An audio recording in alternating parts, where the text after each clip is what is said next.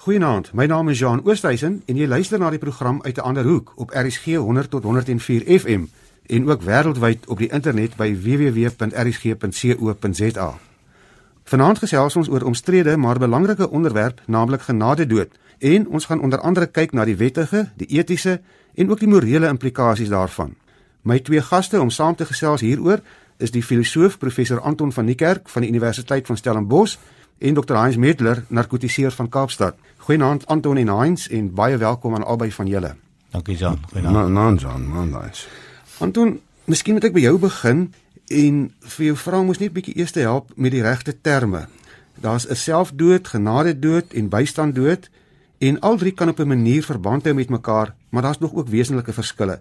Dan moet ons net eers die terme uitklaar en sê wat bedoel ons met genadedood en hoe verskil genadedood byvoorbeeld van bystandood? Ja, Jean, ek bedoel genadedood is is die meer oorkoepelende term wat algemeen in die literatuur voorkom en dit verwys maar na praktyke om mense te help om te sterf. Meestal daarom om goeie redes, naamlik as hulle as hulle ondraaglik ly en so meer. Maar genade dood is is is nie wat my betref 'n baie behulpsame term nie. Dit kom al baie baie ver in die tradisie en dis al iets wat reeds afgewys is in die Hippokratiese eed, baie sterk. So ek ek hou nie baie self van die van die term nie want dit skep die indruk jy weet dat 'n een of ander persoon, sien nou maar 'n dokter of wie ook al besluit dat hierdie persoon het nou lank genoeg gelewe en kry nou te swaar en nou moet ons hom uit sy uit sy lyding uithelp. Ek daarom verkies ek baie sterk die begrip uh, bystand dood. Want bystand dood verwys na 'n situasie waar iemand self graag wil sterf wat autentiek daaroor besluit, wat lank daaroor gedink het, wat volkome daaroor ingelig is, wat al die implikasies besef en wat wat nogtans omdat hy kompetent is die versoek uitspreek om uh, gehelp te word om te sterf. Baie keer omdat so 'n persoon nie self oor die hulpmiddels bes beskik om dit op 'n waardige wyse te laat geskied nie. Wat wat selfmoord en selfdood betref, selfmoord is maar die algemene term wat ons ken vir iemand wat sy eie lewe be, uh, beëindig. Dit skep onmiddellik net daai woord selfmoord skep die indruk dat dit 'n misdaad is, nê, nee, uh, dat jy dat jy 'n moord van een of ander aard pleeg hierdie keer net teenoor jouself. Ek dink dit is dit is heeltemal verkeerd. Ek dink ons moet ons moet daarvan af wegstap. Die begrip selfdood is besig om al hoe meer aanvaarbaar te word. Ook selfdood as baie keer die amper onafwendbare uitkoms van 'n baie baie ernstige siekte toestand, naamlik depressie of ook bipolêre depressie of wat ook al, waar mense dood eenvoudig net uiteindelik in 'n situasie land hoe hulle ook al gehelp is, maar net in 'n situasie land waar hulle nie meer enige uitsig het nie en dan uiteindelik hulle lewens self beëindig. So dit is weet om dit in in in terme van 'n misdaad te sien is is heeltemal onvanpas. Laat ek ook net sê daar bestaan 'n uh, algemene persepsie dat selfmoord ook in die ou sin van die woord dat dit 'n misdaad was en dat dit gekriminaliseer is. My inligting is dit was nog nooit in Suid-Afrika se geskiedenis 'n misdaad nie. Die hofsaake wat ek daaroor te lees gekry het, het almal te maak gehad met die wettigheid van die optrede van mense wat ander mense gehelp het om sogenaamde selfdood te pleeg. Maar selfdood as sodanig is beslis nie 'n misdaad en was dit nog nooit in Suid-Afrika se geskiedenis.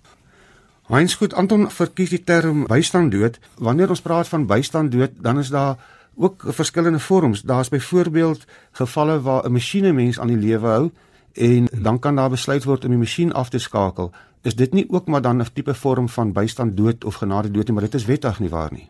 Ja, bystand dood, ek sê heeltemal met Anton saam, dit is die gepaste term want dit is 'n persoon wat terminaal is en hy verkies om self dood te pleeg, maar hy is nie in die toestand om dit te doen nie, so hy het hulp nodig. Nou die hulp kan van twee kante afkom. Dit kan van iemand wees wat medies gekwalifiseer is of iemand wat nie medies gekwalifiseer is. En dit is waar hulle praat van die physician assisted suicide, waar jy 'n dokter betrek om dit vir jou te doen op die mees aanvaarbaarste en elegantste manier moontlik. Medies geassisteerde. Medies geassisteerde bystand dood. Sal ek dan of net dood. Nou daar is verskeie lande waar dit moontlik is waar pasiënte dit kan verlang en dan kan daar besluit word soos byvoorbeeld Luxemburg en Kanada, België, Nederland en ek dink Kolumbie. Dit is omtrent die lande waar 'n dokter iemand aktief kan help om bystand, jy weet, dood te initieer. Dan kry jy 'n ander toestand waar die dokter alles vir jou kan voorberei of alles vir jou kan reël, maar dit nie self aktief doen nie. Waar jy byvoorbeeld paar inspuitings om net 'n eenvoudige voorbeeld te noem. In een van hulle het 'n dodelike inspuiting en ek sê maar okay, jy kan maar die kraantjie oopmaak wat jy wil. Jy weet so uh, en daar is lande waar dit ook gedoen kan word. Maar in Suid-Afrika is geen een van daardie 'n uh, opsie nie. In die geval waar mense deur 'n masjien aan die lewe ja. gehou word, wie moet dan die besluit neem? Wel, dit is 'n baie moeilike besluit want dan dan raak dit 'n besluit van die geneesheer. As ons praat van 'n pasiënt wat wat in in die intensiewe eenheid lê op 'n ventilator en hy's terminaal, daar is geen hoop nie. Kan ek nie daai masjien net geafsit nie? Dit dit is ontoelaatbaar. Uh, in die familie kan ook nie vir my sê om dit te doen nie want dit dit dit dit, dit sal nog krimineel wees want daai pasiënt is nie breindood verklaar nie. Daai pasiënt is net terminaal siek. So wat wat wel kan gebeur is is om terapie te weerhou om te byvoorbeeld te sê sou hierdie pasiënt 'n pneumonie kry of 'n longinfeksie kry wat jy weet hom sal doodmaak, gaan ons nie antibiotika gee nie of ons gaan nie uh, verdere toetse doen om meer intervensies voor te stel nie. Ons gaan dit nou net daar los. Ons gaan nou nie meer uh inotrope of uh middels wat die hartspier ondersteun gee nie. Ons onttrek nou dit alles. Maar ons kan nie net die ventilator afsit in dit nie. Uh, uh dit moet sy natuurlike verloop geloop en dan gewoonlik gebeur dit dan. Jy weet as jy as 'n pasiënt op baie ondersteuning is en jy stop dit, dat die hartklop gaan verstadig en hy gaan hartstilstand kry of en hy gaan gearresteer. So daai tipe pasiënt is is dit nie 'n probleem nie en dit raak nie 'n probleem dat jy moet besluit ons gaan die masjiene afsit. Anton, jy het nou verwys na die feit dat selfdood nie 'n kriminele oortreding is nie terwyl baie mense onder daai indruk was, maar ek wil graag vir jou vra baie gelowiges vra die vraag wat sê die Bybel oor selfdood? Spreek die Bybel enige morele oordeele oor sulke dade uit, het sy dit nou selfdood is of bystandood?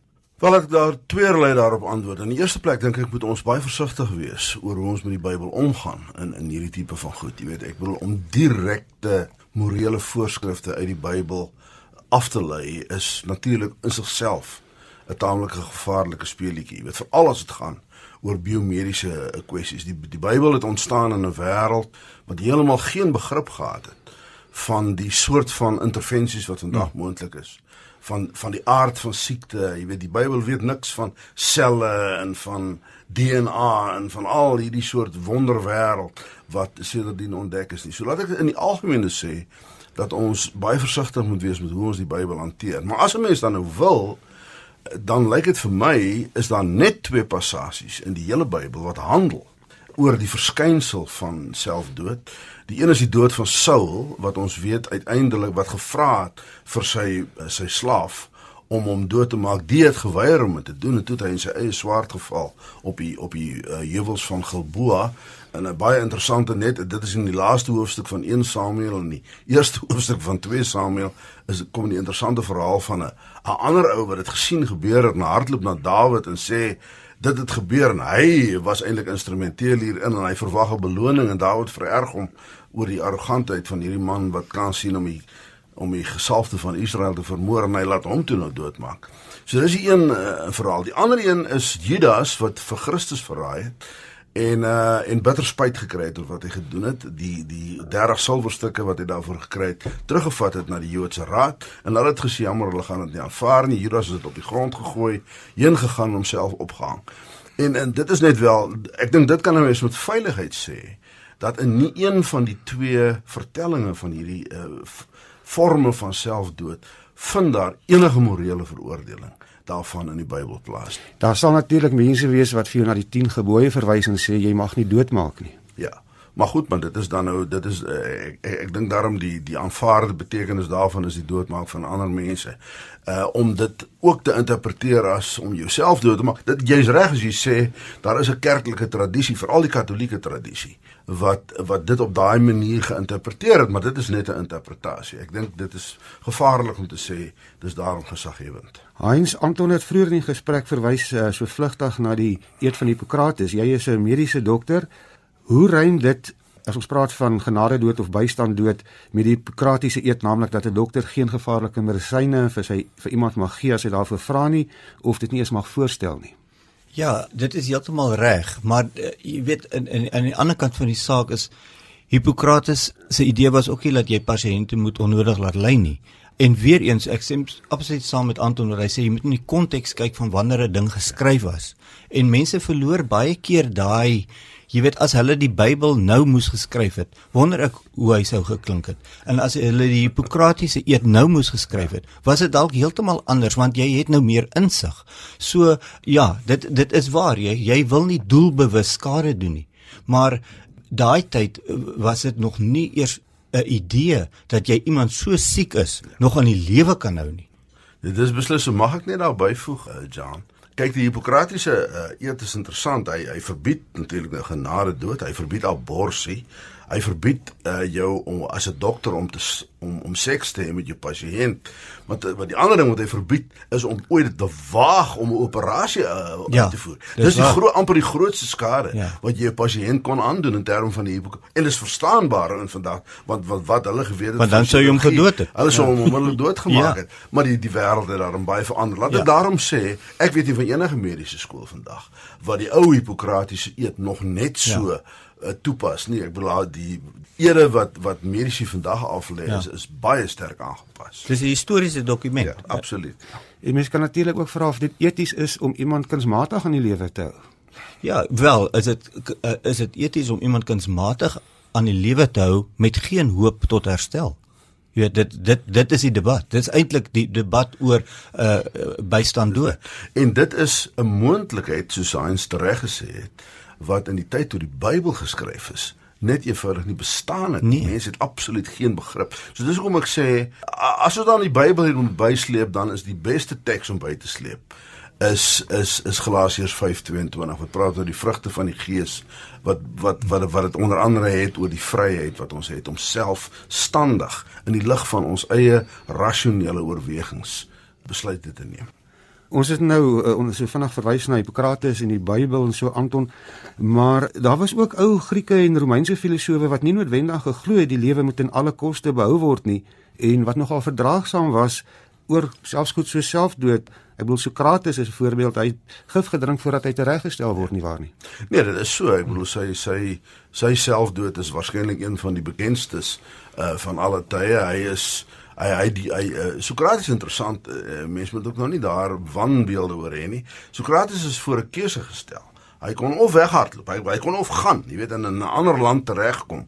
Dit was die een opsie of as hy wou bly in Athene, dan moes hy die ek weet nie wat hemlock in Afrikaans is nie, maar hy moes die gif moes hy uiteindelik drink wat hy toe uh, gedoen het. Uh, dit is so dat die die Grieke het 'n baie meer gelate houding daarteenoor gehad. Epicurus is 'n ander bekende Griekse filosoof wat hom oor oor oor die dood as sodanig, nie soseer oor selfdood nie, maar oor die dood as sodanig uitgelaat het. En veral vir ons gesê het ons moet die dood nie vrees nie, want solank soos ons bewus is, is die dood nog nie daar nie, en as die dood daar is, wel dan is ons nie meer bewus nie. So daarom hoef ons ten minste nie die dood te vrees nie. Dit dit lyk vir my as ek sien jy luister daar's daar's basies twee kante aan die skaal. Die een is die heiligheid van lewe en die belangrikheid van lewe en aan die ander kant die kwaliteit van lewe. Watter een weeg die swaarste? Hoe bepaal 'n mens watter een weeg die swaarste? Maar maar mag ek daar begin uh Jean deur te sê ja, kwaliteit van lewe is 'n belangrike oorweging, heiligheid van lewe, sanctity of life, soos die Engelse uh, dit noem. Dit beteken ek dink ons ons is veilig as ons sê in alle tradisies, alle intellektuele tradisies oor die wêreld heen het lewe 'n buitengewoon hoë waarde. Dat dit 'n hoë waarde het, beteken nie dat dit 'n absolute waarde het nie. Met ander woorde dat ten spyte van die hoë waarde daarvan jy onder geen omstandighede lewe sou kon beëindig nie. En ek dink net dis belangrik dat ons daai onderskeiding uh, maak. Ja, absoluut. En ook mense moet 'n gedagte dat kwaliteit van lewe verskil van persoon ja, tot persoon. Um, jy kan nie jy kan nie ek kan nou nie omdat Anton in 'n rolstoel is en hy nie kan praat nie. So Stephen Hawking sê nee maar jy weet dit mens kan nie so leef nie. So dit dit dit is so individueel dat dit dit is baie moeilik om om dit te definieer. Wie bepaal dit moet uh, bepaal elke persoon self wat is vir hom 'n kwaliteitvolle lewe? Absoluut, ja. Um, tot 'n groot mate is hy die enigste persoon wat die reg het om te besluit, maar ek kan ek kan so leef.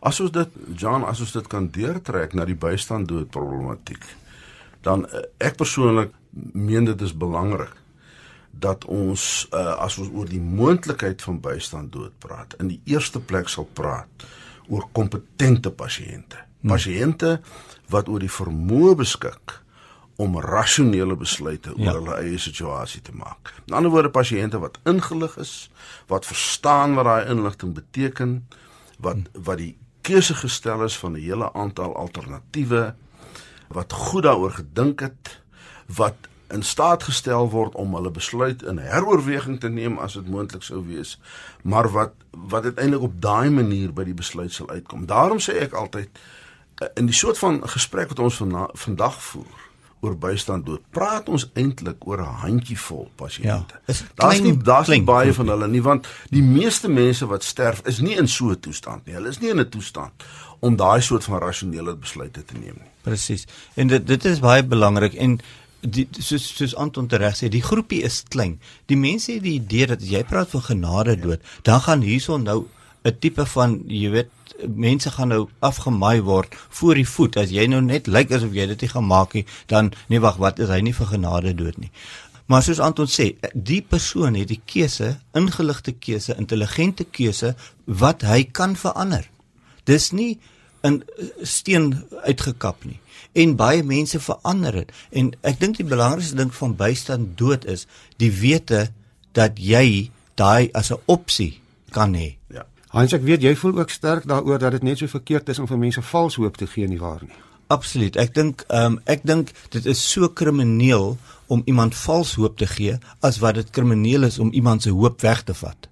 Ek dink dat is 'n fyn balans wat jy ehm um, jy kan nooit 'n terminaal of iemand wat 'n terminale sieke siekte het sê hoorie ek kan niks vir jou doen nie jy moet nou huis toe gaan nie. Jy moet altyd vir iemand hoop gee. Jy moet altyd sê maar hoorie kom ons kan dit probeer, ons kan dit doen, ons kan dit doen en so en so ehm um, as om net blaatant uit te sê. Maar dis net so krimineel om te sê hoorie nee vir jou gaan ek gesond maak. Vlieg jy Amerika toe, hulle druk daar elektrodes in en gee vir jou alles tot jou geld op is. Ehm um, ek dink jy weet dis dieselfde. Maar nee, jy sien net soos wat bystand dood, dink ek vir mense 'n opsie behoort te wees. So behoort palliatiewe sorg 'n opsie ja. te wees, né? Nee, ek bedoel in ander woorde dat ons mense se pyn probeer beheer en ek is nou nie 'n medikus nie, Heinz weet beter daarvan.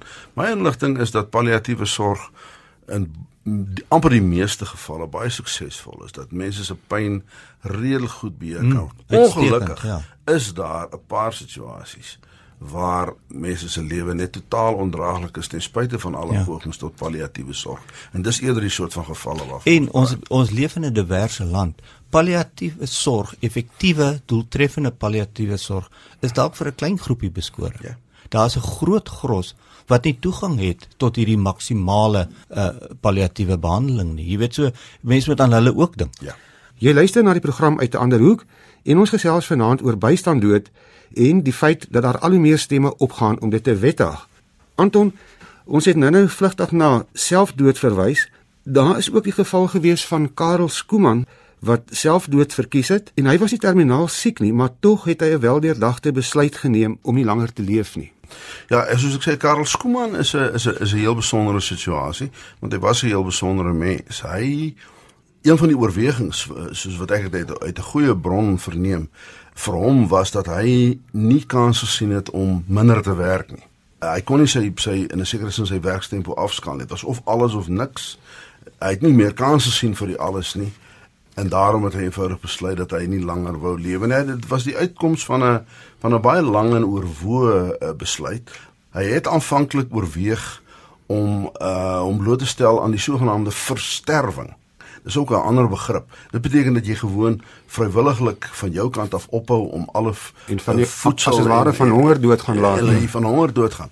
Wat in wat 'n uh, verskriklike manier is van doodgaan. Uh die mense wat hom daaroor geadviseer het, weet ek het hom baie sterk daarteen geadviseer. Hy het ook uiteindelik daarvan afgesien en uiteindelik ek weet nie presies wat gebeur het wat hom uiteindelik aan die einde van sy lewe gebring het nie, maar iets het daar wel gebeur wat dit vir hom makliker gemaak het. Sy situasie roep die hele problematiek op van uh, is dit nou uh, in orde vir uh, ook die mediese beroep om enige ou wat wil self doodpleeg om hom net gewoon te help.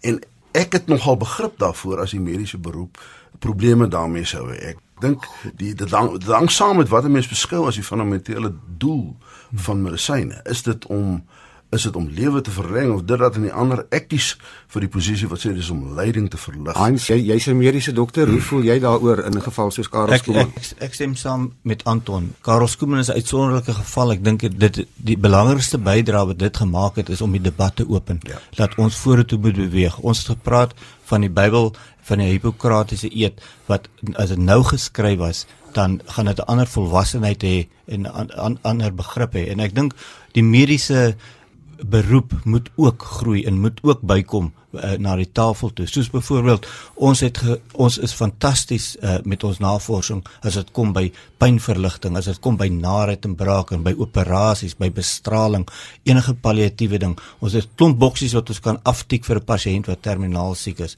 maar daar's een ontwykende boksie en dit is dood. Dit moet ook 'n opsie wees. Ehm um, en ek dink ons moet in daai rigting beweeg. En ek stem saam. Nee, ons praat nie van die Karel Skoomans nie. Ons praat van mense wat ly. Wat ernstig. Ons moet die gesprek afsluit. Anton, 'n uh, laaste woord van jou kant af. Uh, as mense so luister na die debatte wat deesdae gevoer word, dan is dit duidelik dat die klimaat besig is om te verander. Maar tog word daar so gesukkel om hierdie wetgewing deur te kry wat bystand dood moontlik maak. Hoekom is dit so? Dit is 'n baie goeie vraag. Kyk, eh, laat ek net sê die regskommissie het reeds in 1998 'n uitstekende verslag. Dis al ons praat al van wat is dit? 20 jaar gelede, uitstekende verslag uitgebring wat ruimer opsies uh, gesuggereer het in hierdie ding. Daai debat, uh, daai verslag het eenvoudig lê in stof gegader tot nou toe. Ek weet nie hoekom is die politici so uh, skugter af nie. Ja. Maar wat waaroor daar geen twyfel is nie, is dat die debat is op die oomblik besig om los te raak. Hmm. Uh, dis my ervaring as ook net sien, jy weet hoe mense reageer op dinge wat ek skryf en sê en so meer. So uh, ek dink daar is 'n nuwe klimaat uh, los en die politici self verstandig wees om sensitief te word daarvoor. Hmm. Ons het nog baie lank hieroor kon gesels het, maar die tyd is verstreke. Baie dankie aan my twee gaste, professor Anton van die Kerk, professor in filosofie aan die Universiteit van Stellenbosch en dokter Hans Meertler, 'n narkotiseer van Kaapstad. Jy het geluister na die program uit 'n ander hoek waar ons uit 'n ander hoek gesels oor aktuelle sake wat ook 'n invloed kan hê op mense spirituele denke en oortuigings. Dankie dat jy saam geluister het.